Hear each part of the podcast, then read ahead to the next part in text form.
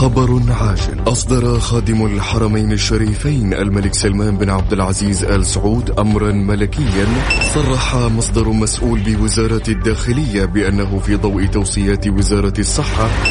سمعنا هذه الأوامر والتصريحات في الفترة الماضية. كان في كثير من التساؤلات. ما هي عقوبة مخالفي الأوامر الملكية؟ هل نشر المقاطع أو الصور اللي تحرض على مخالفة الأوامر تعتبر جريمة؟ تابعنا وراح تعرف الإجابات وتفاصيل أكثر في اعرف حقوقك. الآن اعرف حقوقك مع المستشار طراد باسنبل والمحامي والمستشار القانوني خالد أبو راشد على Mix FM. Mix FM معاكم. رمضان يحلى. رمضان يحلى. السر لو تعرفوه تضحكوا. قبل ما نعرف السر خلينا ندخل مرة ثانية عشان رجعنا للبث مرة ثانية مع Mix FM. إحنا الآن على الهواء في Mix FM. ولأول مرة حلقة تعرف حقوقك ما نتكلم عنها في أشياء قانونية نتكلم عنها في أسئلة شخصية كثير من الناس. ما شاء الله أبو محمد عنده جماهيرية عالية جدا. هنا بس لا تنسى عكاظ يا عم خالد. طبعا عكاظ لها الفضل الكبير جدا علي في انطلاقتي في الاستشارات القانونية. كيف الواحد ينسى الجهات اللي لها فضل كبير بعد الله عز وجل؟ الناس ما هي فاهمة فجأة على الهواء لقيوا إيه؟ عكاظ في الموضوع. فالفكرة أنه صار الموضوع أسئلة وأجوبة. كثير من الناس يعني وصلتنا رسائل بيشكروا أنه كان نقطة تحول من فضل الله البرنامج له لهم. اتعلموا أنه حبوا القانون بعد ما تفرجوا على آه، بساطة المستشار القانوني المحكم الدولي المحامي خالد أبو راشد. وبدأت أسئلة كثير عن بداياته وبدأنا نعرف كيف بدأ متدرب بعدين بدأ في مكتبه الخاص وأول شيك اخذه رقص. إيه، بالضبط من الفرحة. هذا حقيقي. عكاظ كيف دخلت عكاظ طيب خلينا نقول هنا بس بقول لك. السكبة حقتي أو التسكيبة. آه. لو تعرفوا قصة التشخيصة هذه كان في بداياتي في في المحاماة أبغى تشخيصة عملية. يعني في بعض السكبات أو بعض التشخيصات يحتاج لك أنت ما تتحرك كثير. إيه أنا أبغى شيء عملي بروح وجلسات ومرافعه فرفعت الشماخ من واحدة جهة خلاص عملية. فسبحان الله ثبتت والآن لو تدخلوا تسكيبه المحامي خالد أبو راشد تلاقوها نازلة في النت تسكيبه أبو راشد. ففضل من الله عز وجل. عكاظ إيش حكايه طبعا. عكاظ؟ بالنسبة لعكاظ في صديق وأخ وعزيز فاضل وهو صحفي في عكاظ اسمه خالد مقبول. بالمناسبه يعني الله يحييه ويذكره بالخير قال لي يا أخي أنت كمحامي ومجتهد ليه ما تكتب استشارات قانونية عندنا في عكاظ؟ فبالفعل بدأت أكتب زاوية صغيرة استشارات قانونية. وكنا من أوائل المحامين في المملكة اللي بيكتبوا في ذلك الوقت استشارات قانونية. الدكتور هاشم عبد هاشم الله يذكره بالخير رئيس تحرير عكاظ وجد أنه هذه الاستشارات عليها إقبال وفي عليها ردود وفي عليها متابعة. فقرر إنه تكون صفحة كاملة واو. استشارات واو. قانونية في عكاظ فكنت بفضل الله عز وجل وهذا من كرمه. يعني كنت أول سعودي أو أول مستشار قانوني تكون عنده صفحة كاملة. قبل كان في مستشارين ولكن زوايا. ولكن صفحة كاملة في عكاظ الأسبوعية كانت يعني خلينا نقول سابقة وكان لها دور كبير جدا. طبعا كنت لازم أنت تكتب 16 ورقة A4 16 ورقة A4 عشان تعبي صفحة واحدة. كل واو. أسبوع. وطبعا الإعلام سلاح ذو حدين فلازم تكون دقيق وتكون يعني آه سهر غلط. سهر وليالي بالضبط بالضبط يعني. ترى هذه هذه المعلومة ادتني درس مرة مهم. بيقول لي ولد عمي خالد مقبول والدكتور هاشم ولد خالتي. يا سيدي جمعت الحسنيين وكل التحية والتقدير لخالد مقبول وأكيد دكتورنا الدكتور هاشم عبد هاشم. يا رب. هنا بيقول يا خالد إنت لك في الشعر؟ والله شوف أنا جيت مرة من المرات قلت أبغى أسوي شعر يا طراد. إيه. ليه؟ الناس كلها بتكتب شعر. أقول بيت شعر كذا يعني عن الحب كذا وعن الهذا فكرت فكرت بعدين قلت خليني في القانون أبرك. من جد. ما طلعت معي ولا ما طلعت معي ولا جملة. سوي بيت شعر أحسن لك بالضبط. بقول خليني في القانون أبرك والحمد لله رب العالمين. أنا ضرب على على بعض الكلمات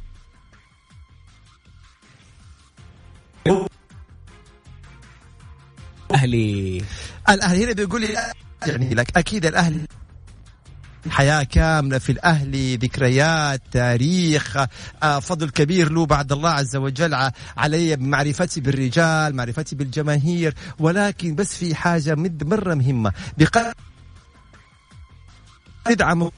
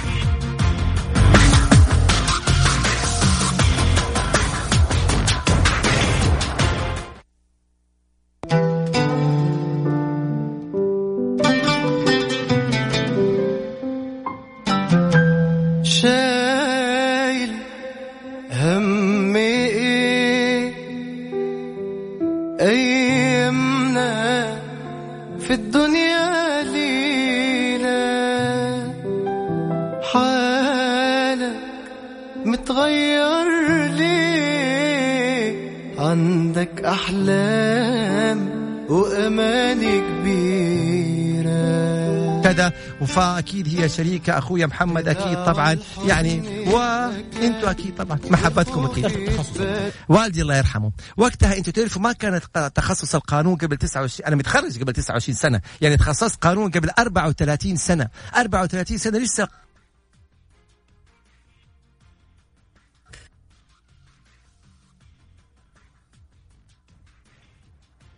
كده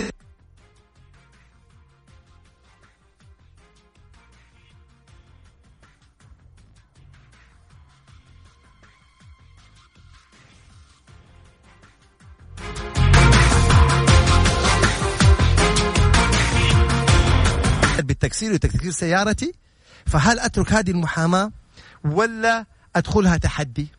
فأخذتها تحدي والجلسة الثانية يا طراد حضرت وأنا داخل في الاستقبال قلت لهم هذا أنا موجود وسيارتي تحت وداخلين الجلسه وروني إيش حتعملوا؟ عجيب. نعم وكان وقتها انطلاقة حقيقية بفضل الله عز وجل. هل من هي سيدة الأعمال الداعمة للأهل؟ أنت يعني قلت حجاوب على كل الأسئلة. حجاوب هي سيدة الأعمال الأهلاوية. ليش؟ هذا ما هو سري. هذا سرها هي. آه سيدة الأعمال الأهلاوية هي سيدة فاضلة. طبعا الله يذكرها بالخير ومني لها الآن كل الشكر والتقدير. أنا أعطيكم في دقيقة واحدة. هذه سيدة الأعمال اللي يعني ذاع صيتها وصار فيها كذا. لما أنهزم الأهلي من نجران لما انهج أنهزم الأهلي من نجران. مباراته مع نجران كانت كسر أعتقد 53 مباراة الأهلي ما قد خسرها. رقم ماني متذكره بالضبط. فكان في ألم شديد وقهر وكان ممكن الدوري يروح. فهي عميلة من عملائي. فكنت بتكلم معاها ويعني كل بألم وبحرقة. فكان وقتها بفكر إنه نبغى نعمل صدمة إيجابية للاعبين لكذا. فعرضت عليها إنه طب إيش رأيك لو ندفع مكافآت وكاش وفورية. فقالت لي طب في عقبة. إيش العقبة؟ قالت لي أنا ما أبغى اسمي. من حقها سيدة ويعني ولها خصوصيتها ولها أسرتها والوسط الإعلامي وسط قوي جدا يعني. فما تبغى. فقلت لها طيب خليني أستأذن الأمير خالد بن عبد الله. فاتصلت على الأمير خالد. الله طبعا يذكره بالخير. الرمز صاحب السمو الملكي الأمير خالد بن عبد الله. الله يحفظه واللي يعني مهما سكرنا ما راح نوفي قدره ولو تكلمت عنه حلقات ما راح يعني الله يحفظه يا رب. فقلت له سمو الأمير أبو فيصل في الموضوع كذا وكذا وكذا ولكن هي لا تريد أن تظهر اسمها سيدة وعندها خصوصيتها. قال لي طيب هل نقول عضوة شرف؟ قلت له لو حنقول عليها عضوة شرف طب ما في قائمة أعضاء الشرف. حقول لي فين فين عضوة الشرف؟ فاقترحت إنه تكون سيدة أعمال. يقول سيدة أعمال أهلاوية.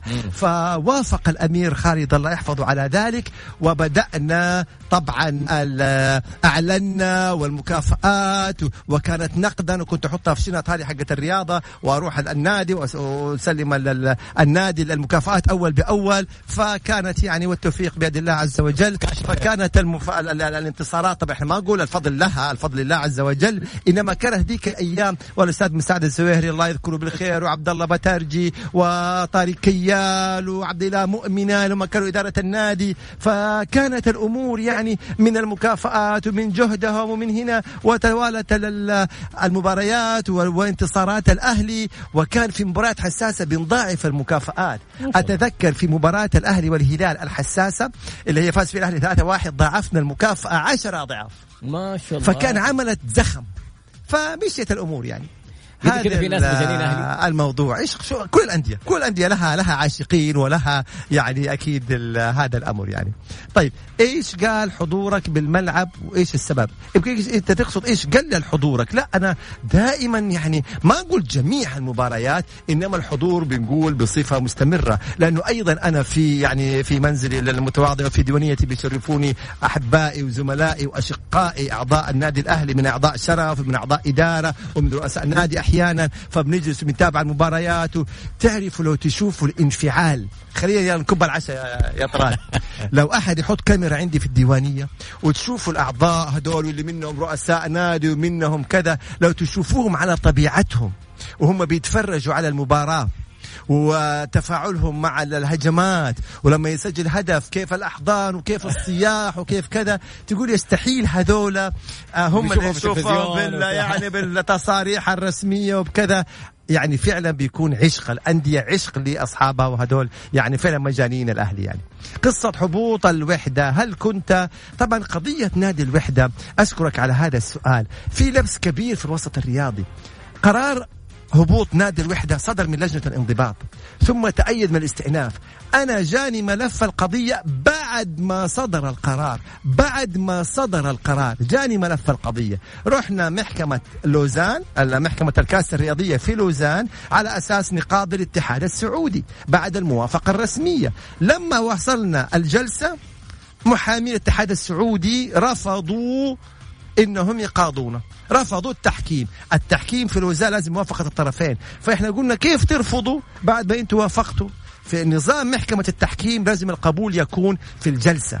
ففي الجلسة رفضوا التحكيم. فالقرار صدر عدم الاختصاص. ما صدر لصالح الاتحاد السعودي صدر عدم الاختصاص. طيب عدم الاختصاص معناته ما في قضية. معناها يبقى الحال على ما هو عليه. هذا باختصار شديد جدا. محامي دعوجي ما شاء الله. يعني دعوجي دعوجي وإن كان يعني إحنا اسمنا محامي مستشار قانوني. الدعوجي هذا كان قبل نظام المحاماة وقبل ما يكون في الاستشارات القانونية. تقييمك للدورات التدريبية اللي تدرب فيها. مش أنا اللي أقيم. اللي يقيمها الحضور. ولا ولكن يعني فضل الله من فضل الله عز وجل لما بنشوف تقييمات ورضا الناس. يعني هذا هو الدافع اللي خلانا نعمل دورة ورا دورة ومحاضرة ورا محاضرة. تقييمات الناس وليس تقييمي. طيب انت رجل طيب الله يكرمك يا رب إن شاء الله هذا من طيبك وكرمك وطيب أصلك يا رب. في رأيك إيش سبب سر اختفاء نجومية السعوديين؟ يطلعوا فجأة يصيروا نجوم وذكر أسماء بصاص صاحب العبد الله نسمع أسماء فجأة. تختفي. إحنا هنا ما نعمي لأنه في نجوم استمرت نجوميتهم حتى بعد يعني آه حتى بعد اعتزالهم للملاعب. الآن إحنا بنشوف آه مثلا الهريفي بنشوف سامي الجابر وبنشوف ماجد عبد الله وبنشوف محمد نور وبنشوف حسين عبد الغني انه حسين ما شاء الله عليه لا زال بيلعب يعني في نجوم كلمة حق تقال نواف الطمياط يعني الواحد ما أبغى ما أبغى الذاكرة تخوني يعني. فؤاد فؤاد أنور آه. آه. سامي الجابر ذكرنا هؤلاء الأسماء فمنهم ما زال مستمر منهم في أعضاء في الاتحاد مثلا منهم في الأندية وفي نعم لاعبين للأسف ما حافظوا على لياقتهم ما كان عندهم الفكر الاحترافي فكان عمرهم في الملاعب قصير فنعم في كذا وفي كذا يعني. في أحد يقول لك يا متر إحنا ناخذها بدعابة يعني. لما متر يمكن كانت تقال في مصر بشكل أكثر وهي في الأصل فرنسية. إنما يعني مقبولة. ناخذ الأمور دائما إحنا بسعة الصدر يعني. نصيحتك لحديثي التخرج. حب القانون. دائما أقولها حب القانون. وحب المهن بصفة عامة. لو أنت حتتخرج قانون بس عشان تدور وظيفة حتظل طول عمرك مكانك سر. لكن لو حبيته وبالتالي تشتغل نهار ليل تبحث تبادر تروح دورات تثقف نفسك يبقى انت كده أول خطوة على طريق النجاح بإذن الله تعالى. شيل إيه. المايك عادي. يا شباب المايك هذا ما هو لكم. المايك هذا لإذاعة Mix FM لأنه الإذاعة معانا على الهواء live. فالمايك للإذاعة. طيب. سؤال جميل بصراحة. حتى الاتحاديين. يعني أيوة. ما بيستحوا لما يشتكوك للاتحاد يقول لك يا أخي طب الاتحاد إيش صاير معاه الوحدة إيش صاير معاه إيش سر باقي جماهير الأندية غالبا لما يكون الشخص يقول أنا أهلاوي ولا أنا هلالي يقوموا عليه باقي الأندية. إيش السر معاك أنت؟ ليش الباقيين يعني بفضل الله عز وجل ذكرت يمكن يا طراد يستحيل أن أسقط على نادي. يستحيل أن أغلط على نادي أو على جمهور نادي. يستحيل. أيوه ادعم نادية وأتشجع واشجعه وأتحمس وأبغى يفوز وأفرح بالفوز. لكن إنك تسقط على الآخرين لا. وفي حاجة مهمة جدا. أمانتي أمام الله عز وجل. الأهلي ما حيدخل قبري.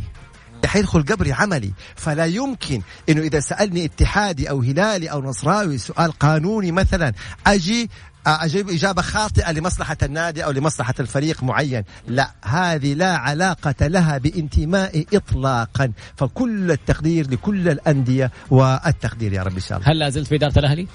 آه مع الأهلي. دائما المناصب ما هي شيء يعني ما هي سبب رئيسي. تعرف أقول حاجة لأول مرة؟ يعني بفضل وأتشرف إنه تم آه ترشيحي أو عرض عرض علي رئاسة الانضباط في الاتحاد السعودي لكرة ما القدم. شاء الله تبارك. ورئاسة لجنة الاستئناف في الاتحاد السعودي لكر- لكرة القدم. وكان هذا في عهد الأمير عبد الله بن مساعد. الله يحفظه ويذكره بالخير. والدكتور أحمد عيد الأستاذ أحمد عيد. فكان جاني العرض وأعتذرت عن هذا ال- المنصب. طبعا مع كل الشكر والتقدير لهم. أيضا عرض علي أكون عضو في مجلس إدارة الاتحاد السعودي. واللي عرضوا علي كان الدكتور عادل عزت وهو حي يرزق وله كل التقدير والاحترام. وأيضا اعتذرت عن ذلك تمام؟ ليه؟ كان أيضا المجال متاح لي إني أرشح نفسي. مو إني أسير أرشح نفسي لرئاسة النادي الأهلي أقدم مع ملفات المرشحين ولم يسبق لي ذلك لسبب بسيط جدا. أتيت الرياضة حبا في الأهلي. وليس طمعا في أي مناصب أخرى. وحابب أظل على طول بهذا الشكل. حبا في الاهلي ندعم الاهلي نخدم الاهلي بعيدا عن كل المناصب. هذه المسألة كلها. هل الإسقاط يعتبر جريمة؟ يعتمد على صيغة الإسقاط. إيش يعني إسقاط؟ ما هذا هو؟ إنك تخطئ على نادي. فهنا على صيغة إذا الإسقاط إذا الصيغة فيها سب فيها اتهام فيها قذف إيوه طبعا جريمة. هذه هي الجزئيه صلي على النبي. اللهم صل وسلم وبارك على نبينا محمد وعلى آله وصحبه أجمعين. ليش القانونيين دائما موسوسين وحريصين جدا؟ هذا سبب رئيسي وهذا مهم جدا. إذا أنا قانوني في عملي طيب وأخذ أمور بحسن النية. ما طب بالعكس أنت لما تدرس عقد معين صيغة اتفاقية لازم تفترض أسوأ الاحتمالات.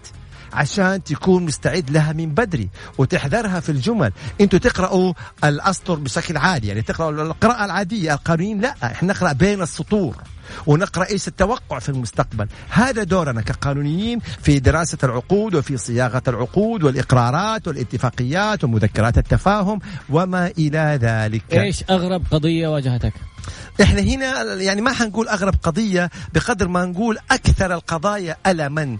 تعرفوا إيش أكثر القضايا الما؟ أكثر القضايا الما؟ قضايا الأحوال الشخصية. سيبوكم من قضايا فلوس وأراضي وتركات وإرث. قضايا الأحوال الشخصية لما أم تبكي بدل الدمع دم. تبغى تشوف بنتها. أو لما أب يتألم وتعرفوا دموع الرجال أيضا غالية. تمام؟ يكون محروم من بنته من ولده. بسبب قضايا الحضانة أصعب وأكثر القضايا الما. هي قضايا الحضانة. طبعا هنا بيقول إنت من فين تخرجت؟ أنا تخرجت من جامعة الملك عبد العزيز، جامعتي لها كل التقدير والفضل بعد الله عز وجل والاحترام وكنت من عشر الأوائل في دفعة القانون اللي. تخرجت فيه عام 1412 بفضل الله عز وجل، ثم بعد ذلك درست دراسات متخصصة في الجامعة اللبنانية وفي أيضا؟ معهد المحكمين الدوليين بلندن وأخذت دورات متخصصة في معهد القانون الدولي بدبي وما س- يعني العملية أو يوصل- كذا. جامعة لبنانية درست فيها. طبعا يعني آه كورسات معينة أو دورات معينة. جميل. أبو محمد أي. نقطة هامة ثانية كانت أصعب قضية غير أغرب قضية أصعب قضية. والله طبعا ما نبغى نذكر الأسماء بس دائما بتكون قضايا القتل.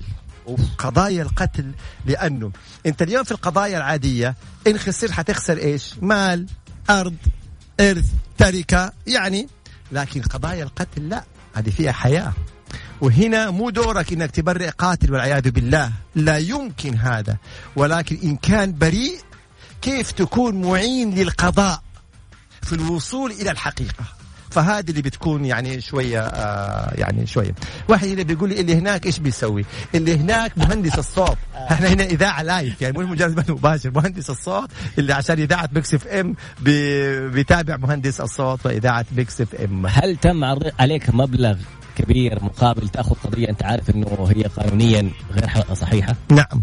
المحامي يتعرض لمثل هذه الأمور. أتعرض علينا قضايا إننا نبيع قضايانا ننسحب من القضايا. أتعرضنا لتهديدات. أوف. آه، تعرضنا لتهديدات بالقتل. مهنة المحاماة مهنة مثل مهن المحاماة في أي مكان في العالم. أنت بتواجه خصوم في خصوم بيكونوا على قدر من الوعي ويعرف أنه ده عملك. في خصوم يروها وكأنها شخصية. ما في شيء بالساهل يا طراد ما في شيء بالساهل أبدا. قتل تهديد فتعرضنا نعم تهديد بالقتل وتعرضنا لناس يشتكوك شكاوى في المحاكم ثم تثبت إنها كيدية وتعرضنا يمكن لإغراءات لت- لتهديدات مختلفة. هذا وارد. هذه مهنة محاماة زي مهنة الصحافة مهنة المتاعب. ضباط الشرطة المحققين أعضاء النيابة. كل هذه المهن هم معرضين إن هم يعني آه، يتعرضوا لمثل هذه المواقف. هذا هذا هل طلب منك إنك تستلم قضية أنت عارف إنها قانونية؟ أيوه طبعا اعتذرنا كثير يا طلعت عن قضايا. تمام وجدت إنه صاحبها آه، مخطئ أو ظالم أو مو معاه حق فأعتذر عنها. هذا طبعا أمر يعود لأمانة المحامي مع ربنا عز وجل. بالضبط. طيب أكثر قضية خلتك تضحك وإنت تقرأها. ما في قضايا تضحك ما عدى علينا ما يجون غير أصحاب المشاكل وأصحاب القضايا ما, ما تيجي قضايا تضحك تضحك يعني ما ما تذكرها كثير يعني ما أذكرها كثير. وإيش رأيك بتخصيص أو بتخصص الأندية؟ أنا أقول لكم هي من الآن رأيي الشخصي غير مهيئة إنها تتخصص في في الوضع الحالي، غير مهيئة إنها تتخصص في الوضع الحالي، ليه؟ أنت اليوم عشان تخصص نادي يعني لازم يعتمد على نفسه، يعتمد على نفسه لازم يكون عنده دخل مادي، اليوم أندية ميزانيتها 150 مليون و140 مليون، إذا أنت تبغى توقف دعم الدولة عنها وتقول لها اعتمدي على نفسك، طب حتجيب المبلغ هذا من فين؟ حتجيب المبلغ هذا من فين؟ فأنت لازم أول مرة تهيئ السبل للنادي إنه يعتمد على نفسه بعدين خصصه. هذا رأيي الشخصي وكل التقدير والاحترام سؤال جدا يعني. جميل. يقول لك إيش عقوبة الأشخاص اللي يسووا مقاطع لمسؤولين ويركبوا عليها مقاطع فكاهية؟ جرائم معلوماتية. أو ينزلوا خطابات جرائم. معلوماتية. إنت لما تجيب صورة مسؤول أو أي شخص كان وتركب عليه مقطع آه، سخرية ولا فكاهي جريمة معلوماتية. هذه المادة السادسة آه، خمسة سنوات آه، سجن وثلاثة مليون ريال غرامة. أوه. إحنا ما اتفقنا من غير قانون؟ والله ما اتفقنا من غير. قانون مشوها عليك؟ طيب يلا. تكفى وجه رسائل القطاع الخاص تمكين الموظف السعودي بالمناصب القيادية وزرع الثقة فيه حفظك الله. طبعا يعني أكيد أتمنى من القطاع الخاص وإن شاء الله تعالى أنه على قدر كبير من الوعي ثقتنا في أبناء بلدنا. ليس تقليلا من غير السعودي له كل التقدير والاحترام وهم خدمونا وبذلوا جهدهم فلهم من التقدير والاحترام. ولكن المناصب القيادية إحنا أولاء أبناء البلد. المفترض أكيد إنها تكون لأبناء البلد وهذا اللي بيصير بأمر الله تعالى. يا رب إن شاء الله. بعض أحيانا جات أسئلة كثير وعدت علي ما ما لحقت فإذا حبيتوا تكرروها عشان نلحق يعني إيه آه نجاوب عليها بأمر الله تعالى. إيش الخطوة القادمة؟ كل إنسان يبغى يتطور. مين نصب عليك؟ أتنصب علي. والله؟ أيوه في البدايات أتنصب علي. عجيب. اي والله هذا صحيح. أتنصب علي يعني هذا صحيح. كيف؟ اي والدتي نصبت علي مرة من المرات. ضحكت علي. اي والله بعتني طقم كنب ب- بثلاث أضعاف سعر. هذه أمي الله يسك يعني يحفظك يا والدتي يعني. هذا حصل. أنا عارف تستاهل. إيه. يعني طيب. لكن لا بجد في البدايات لازم الواحد. كم كان عمرك وأنت مقبل على الزواج؟ طيب أنا خطبت وأنا عمري آه 19 سنة. ما شاء الله. آه الملكة كانت أو عقد القران 20 أتزوجت عمري 21 يعني في سن مبكرة والحمد لله فخور وسعيد بهذا الزواج المبكر. اليوم أخ... يا بناتي يعني يعني صديقاتي بناتي الله ابني. نفس الشيء.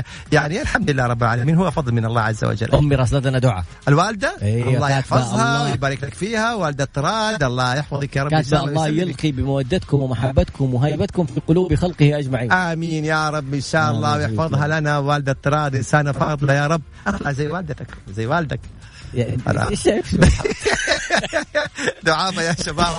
هذا أخويا وشريكي وعشرة عمر يعني. آه، إيش احب في إيش إيش احب جزء في الحبحب لك؟ هذا أكيد شخص قريب مني. والله قريب مني. طبعا القلب طبعا القلب الحبحب اللي هو البطيخ. طبعا القلب كذا لما يكون مسكر كذا الله الله الله. هذا من الأشياء المفضلة جدا عندي يعني. ليه أسعار المحاماة غالية جدا. لا هي تختلف من محامي لآخر. حسب خبرته وحسب مثلا درجاته العلمية وحسب حجم مكتبه. ترى المحامي عنده إيجارات وعنده موظفين وعنده رواتب وعنده رسوم وضرائب ورو- مصاريف كبيرة. في ال- أيضا القضية أو القضية تأخذ أحيانا سنة وسنتين. عندنا قضايا أخذت عشر سنين وفي قضايا أخذت 13 سنة. عندنا قضايا توفى الأب ثم توفى الابن ثم صار الصلح لأنه الشغلة كانت يعني ماشي.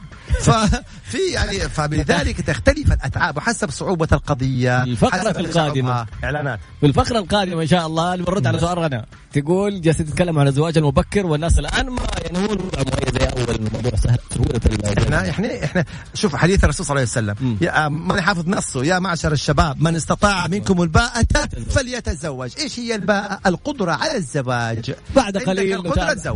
بعد قليل إن شاء الله نتابع باقي الأسئلة الشخصية والأخوية والاجتماعية. نتابعها بعد قليل إن شاء الله. السمبوسة مثلثات ولا ال mic. Mix في رمضان. عودة مرة أخرى. أيوه. عودة مرة أخرى إلى Mix FM والبث المباشر للحلقة الأخيرة لحلقة برنامج اعرف حقوقك مع المستشار القانوني المحكم الدولي المحامي خالد أبو راشد. وبث مباشر أيضا على حسابه في تويتر خالد أبو راشد على حسابي في إنستغرام طراد underscore B T R A D underscore B نتابع أسئلة شخصية متنوعة ووصلنا الموضوع إلى ليش المحامين يفضلوا كان آخر سؤال القضايا التجارية عن القضايا الأحوال الشخصية. أي. في سؤال كيف تتعامل مع من يقوم بالتقليل من إمكانياتك المهنية بالمحاماة. أبتسم. شوف أنت لا تتصادم مع الناس. أنا جوني في الوسط الرياضي. يا بس يقول والله خالد يخسر قضايا رياضية والله مش عارف إيه قضية خسرها. لا تقعد تجادل كل واحد. خلاص تبتسم أنت الحمد لله واثق من نفسك عارف آه يعني إيش اللي ربنا أكرمك فيه من إنجازات أو من خطوات إيجابية؟ يبقى ما حنقعد نتجادل. تبتسم وانتهينا. على طول ترفع على طول يعني. إلا إذا أحد ناقش نقاش موضوعي في قضية اجاوبه بال آه بالنقاش الموضوعي. مساء الخير مستشارنا. أهلا وسهلا بكم. سامحوني الأسماء مرة صغيرة ما بقدر أقراها إنما الأسئلة هي اللي إيه آه يعني بقراها طيب أكل أكمل ماستر بعد البكالوريوس أكيد أي تحصيل علمي ممتاز. هذا تحصيل علمي ماستر دكتوراه. إيش في مجال إنه إحنا يعني آه نحصل علميا؟ يبقى خير وبركة, وبركة يعني. نتمنى من كل مختص مثلك أن ينشر الفائدة. يعني أكيد هذه يعني أنا خلينا نقول رجاء مني لكل المختصين في مختلف الاختصاصات مو بس القانون إن هم يخصصوا جزء من وقتهم يعني للتوعية. والحق بنشوف أطباء الحقيقة بنشوف مثلا مهندسين بنشوف فئة حقيقة نفخر بها من المختصين دائما في وسائل التواصل بيوعوا بيثقفوا وهذه حاجة جميلة جدا بأمر الله تعالى يا رب. طيب ينفع أدرس قانون بعد ال 45 إن شاء الله حتى بعد ال 95 القانون إحنا بنعيشه في حياتنا بشكل يومي. أنت الأحوال الشخصية الإرث الزواج الطلاق الحضانة إن رحت وظيفتك الخدمة المدنية ولا القطاع الخاص إذا ركبت السيارة أنظمة المرور أنت بتعيش القانون بشكل يومي. يبقى لابد على الأقل من الثقافة القانونية ولا يشترط أنه يكون تخصص بس على الأقل الثقافة القانونية.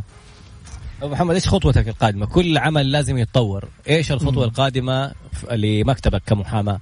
هل في توسعات؟ هل في تحالفات؟ نعم نعم أكيد يعني هذا سؤال جميل جدا يجب أن لا يتوقف الطموح يا طراد يجب أن لا يتوقف الطموح ابدا يعني أنا بدأت لوحدي تمام؟ وبعدين كان معايا آه، شريك وشريكين ثم بعدين آه، استمرينا ثم الآن أنا كملت. فاليوم بفضل الله عز وجل أنا أفخر بزملاء معايا في المكتب من سعوديين من غير سعوديين من سعوديات. أصبحنا فريق استاف كامل بفضل الله عز وجل. ودائما الواحد يطمح إنه يتوسع ويتوسع أكثر وينتشر. يعني لابد لا يأس مع الحياة بأمر الله تعالى. في قسم الإعلام هل تعلم إني درست القانون؟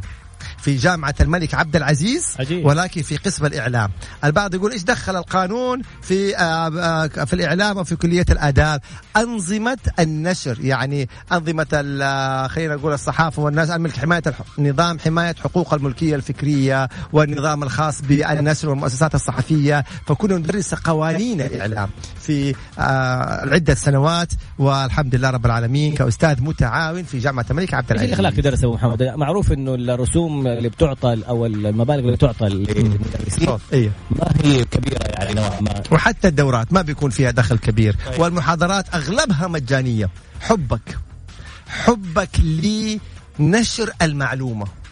تمام؟ يعني إيش اللي يخلي الواحد يعمل محاضرات في الجامعات مجانا؟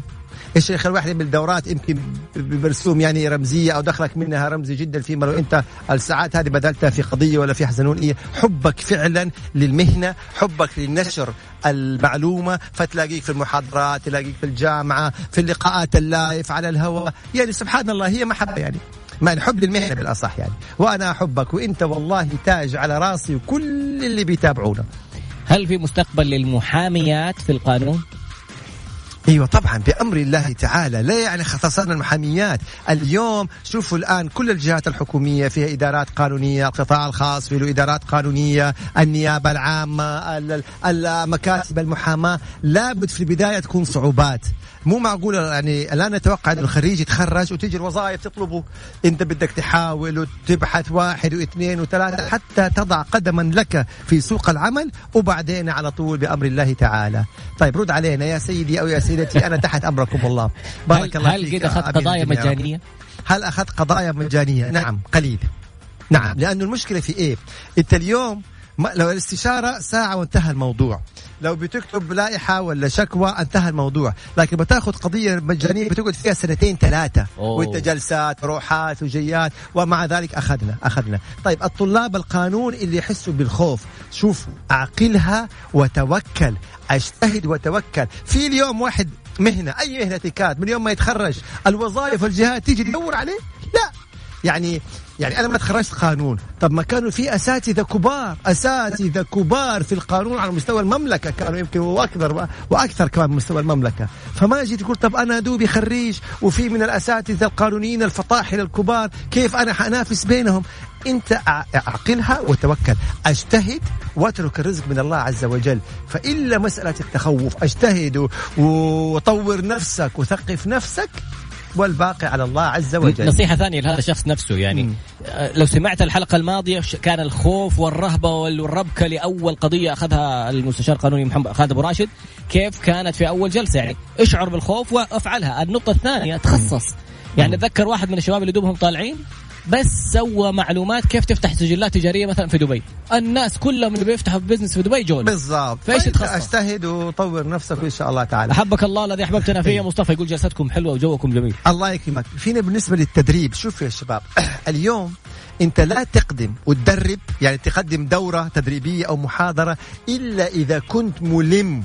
دارس هذا الموضوع من جميع جوانبه ومن جميع تفاصيله اللي بيحضروا ما شاء الله عليهم فاهمين ودقيقين وبيحضروا دكاترة وبيحضروا ماجستير وبيحضروا طلاب قانون مميزين وبيحضروا مثلا يعني خبرات مختلفة وبيسألوك أسئلة دقيقة. يجب أن تكون متمكن من المحاضرة اللي بتقدمها عشان تقدم فائدة لأنه والله لو عملت محاضرة وما طلعت متمكن الله يعينك.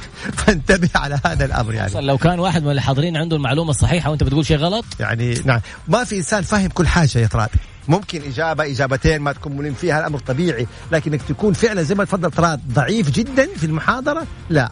كم صار لك سنة بالقانون يلا أديكم دقيقة حذروا. كم سنة لي خبرة في مهنة القانون؟ يلا. أعطونا كذا أرقام. لا تحسب يا طراد أنت غشاش. لا تحسب يا طراد اللي قلت؟ يلا أعطونا. كم سنة؟ 20 سنة غير صحيح 25 سنة غير صحيح 20 سنة غير صحيح 25 غير صحيح. لازم أسوي جائزة يا شباب. 21 33 40 27 25 33 يعني اللي يسمع في الاذاعة يقول ليش بيتابع خير ولا يحزنون؟ طيب الصحيح اللي قال رقم 29 سنة. برافو عليك. 29 سنة. احسبوها. أنا تخرجت عام 1412 هجرية. إحنا الآن 1441 يبقى 29 سنة بفضل الله عز وجل في القانون متصلة يزيد, وال... يزيد يعني وفاء جاوبوها والحمد لله رب العالمين. جابوها صحيح ما شاء الله عليهم. خلاص جاوبنا يا شباب اللي بيرسلوا لسه خلاص جاوبنا. يلا أعطونا مداخلاتكم وأموركم. طبعا خلينا نقول دائما مواجهة الجمهور فيها رهبة ومواجهة الجمهور فيها هيبة. فلا بد إنك تكون دائما متمكن تقرأ تقرأ نهار تقرأ ليل. إحنا القضايا نحلم بها في الليل أحيانا. تدرس في النهار وتدرس في الليل وإنت بتاكل وإنت نايم بتفكر. يعني فعلا الواحد بيعيش القانون عقبال خمسين سنة يا رب. الله يكرمك. لو تزوج حتة ما يمنع يعني. لكن الله يحفظكم إن شاء الله يا رب جميعا. أبو محمد يقول لك لو رجع فيك الزمن للخلف للماضي هل إيش القرار اللي كان ممكن تتخذه بشكل مختلف؟ سؤال مرة لو واحد رجع يعني للماضي عشان يتخذ قرار. والله العظيم كنت حرجع أختار محاماة. يعني بأمانة ما عندي قرار بفضل الله عز وجل ندمت عليه. يعني بفضل الله عز وجل الواحد مجتهد ماشي آه، التوفيق من الله أولا وآخرا الحمد لله يعني. طيب في- أنت في اللايف غير عن صورتك. اي نعم صورتي الرسمية والتسكيبة والفيلم. اليوم إحنا لا قانون ولا يحزنون. كذا والله يحييكم معنا في الجلسة ببساطتها بطبيعتها بدون أي تكلف. هل سنرى أبو محمد في دورات آه، قانونية؟ سؤال أستاذ طراد آه، راجع السؤال مهم ما أعرف. طيب قول. مان. أقول لك ال- يقول الدورات الإلكترونية الآن صارت بزخم كبير جدا. مم. اولا هل حنشوف ابو محمد فيها؟ ثانيا هل هي مرخصة أو معتمدة؟ يعني هذا يعتمد على حسب طبعا المشرف أو المنظم لكل دورة. okay. إذا كان حاصل على اعتماد لها أو مش حاصل على أنا اعتماد أبغى لها. أعطي ناس آه. دورة أونلاين وأبغى أعطي محتوى عندي. أبغى الناس تدفع لي عليه فلوس. طيب. أه لا فلوس. أيوه. طيب أنت مرخص. لذلك إنك تأخذ فلوس من الناس؟ آه. هنا السؤال أنت بتاخذ فلوس. هل أنت مرخص إنك تاخذ فلوس من الناس. هذه جزئية ننتبه لها. لا أتمنى إنك تحفظ البث. نعم سيدي أو سيدتي الله أعلم. البث دائما نحفظه في المفضل عندي في حسابي على طول إن شاء الله. طيب إننا ساعة أدور على صرصار الليل اللي في الصالة بعدين انتبهت إنه صرصار عندك. صوت صرصار الليل آه، طالع في ال- والله ما أعرف أنا والله ما أعرف. هو يفكره في البيت عنده طلع في ال- في الجهاز عندنا. طب طلع صورة الليل يعني. طيب أذكر محامي معجب بهم. طبعا آه، كثير والله من الزملاء يعني وكثير من الأساتذة. لو نذكر الأستاذ حسان المحاسني الأستاذ مثلا ال- الحجيلان أستاذي أستاذ أسامة يماني اللي تتلمست على يده آه أيضا آم، يعني في من الزملاء الحقيقة زميلي الدكتور ماجد قاروب مع أنه أنا هو كنا نتضارب في الإعلام لكن هو أخ وعزيز وزميل وأثبت آه، نفسه آه، زميل الأستاذ حامد فلاتة آه، يعني إحنا ما كنت أبغى أدخل في في الأسماء لكن يعني أيضا عزام خوج رأفت المداح أيمن النعماني مكاتب. والله يعني دخلتوني في الأسماء كثير من الزملاء إحنا نسعد بيهم يعني سواء من أساتذتنا أو من جيلنا هنا بيقول على دعم من هنا. بيقول في 6000 مش آه، فهد بارباع الله أكبر. ما يحتاج فهد بارباع شريكي في النادي الأهلي وقضايا ودنيا وحبيب ومعايا في الديوانية دائما ابغاكم تشوفوه ويتفرج على مباريات الأهلي فهد بارباع هل فهنا بيقول لي 6000 مشاهد. أنا ما أعرف. على فكرة حلقة من حلقاتنا امسياتنا في رمضان وصلت 96 ألف مشاهدة. ما شاء الله. هذا بفضل الله ثم بفضلكم وكرمكم وثقتكم اللي نفخر بيها. وحلقة أخرى فوق ال 60 ألف وحلقات فوق ال 40 فوق ال 50 ألف. فهذا كان فضل بالنسبة لي كبير من الله عز وجل. والله هذه نقطة ترى على فكرة يعني جدا تعتبر قوية. زي ما قلنا المشاهدات بالنسبة لعدد المشاهدين. لا تتجاوز من اثنين. هو هنا أقصى بيقول لي نعم لاننا 5%. نحبك. طبعا هذا من كرمكم ومن فضلكم ومن طيب اصلكم ومحبتكم تاج على راسي. شوفوا يفنى الإنسان وتبقى سمعته. المناصب تروح ويبقى سمعة صاحب المنصب. في النهاية. هي سمعة. هي الواحد يعني رأس ماله هي يشتغل دعوة بالتوفيق سيدنا إبراهيم. الله عز وجل. شوف آه، سيدنا إبراهيم خليل الله يقول واجعل لي لسان صدق في الآخرين. الله عز وجل لما حب يثني على الرسول صلى الله عليه وسلم. شوفوا أنتم أول شيء نبينا صلى الله عليه وسلم كم صفة فيه؟ صفات لا تعد ولا تحصى. يعني بخلاف النبوة والرسالة قائد وزعيم ومربي وزوج وفاضل وحكيم وقائد عسكري ومن الصفات وحلمه وصبره ويعني فيه من الصفات صلى الله عليه وسلم. لا حصر لها. هذه يمكن نتفق عليها جميعا. لكن ربنا عز وجل لما حب يثني على الرسول صلى الله عليه وسلم من هذه الصفات التي لا حصر لها إيش قال له؟ وانك ها يا طراد؟ على خلق عظيم. لا على خلق عظيم. شوفوا الخلق الخلق. يعني من كل هذه الصفات كان الخلق. وهذا درس لينا إنه أخلاق الإنسان هي تاج يعني هي هي رأس ماله. هل حصلت على دعم من والديك؟ طبعا أنا والدي الله يرحمه أول ما آه، تخرجت واشتغلت آه، س- سنتين في مكتب محاماة حبيت أعمل مكتب محاماة. ما كان عندي فلوس. ما أنا خريج بني غير سنتين. فدعمني والدي ب ألف ريال. في ذلك الوقت. يعني. طبعا. وما قدرت تعمل مكتب محاماه ال 50 حتجيب لك إيجار ولا تاثث ولا الأجهزة ولا راتب ولا؟ فكان دخلت آه، شريك معايا كان وبعدين جبنا شريك ثاني وشريك ثالث وحطينا مع بعض الخمسينات وبدأنا المكتب وانطلقت المسيرة. ما تعجزوا ما تعجزوا ابدا. تمشي الأمور بفضل الله عز وجل. طيب. الله يبارك في عمركم جميعا يحفظكم. ما طيب. بيني وبين شخص آه، آه، فاتورة مشتركة ومساحته أكبر هل يحق لي إني أقول له ما أبغى أدفع النص؟ أنت مساحتك أكبر؟ يعني يتفاهموا مع بعض. هي فاتورة مشتركة يحاولوا يتفاهموا مع بعض يعني لأنه اللي بيسمو الفاتورة هو الملزم. طيب برنامجك رهيب أتمنى يكون أكثر من ساعة. هذا من كرمكم ومن طيب أصلكم بس لو كثرنا عن ساعة ما نبغى نكثر عليكم. ما نبغى نصير ثقيلين ما نبغى يعني إنما كذا خفيفة خفيفة يعني والله يحفظكم إن شاء الله. طيب ومن كان في عون اخيه كان الله في عونه. نعم هذا كلام سليم. آه متى يتوقف الظروف؟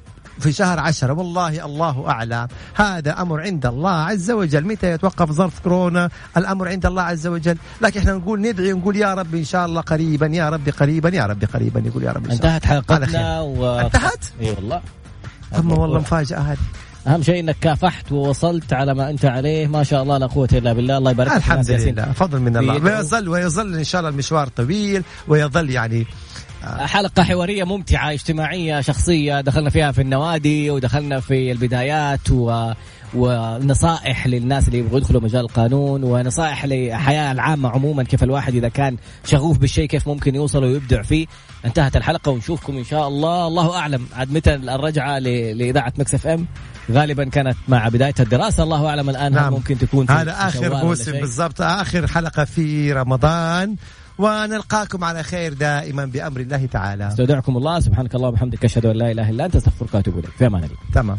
طيب.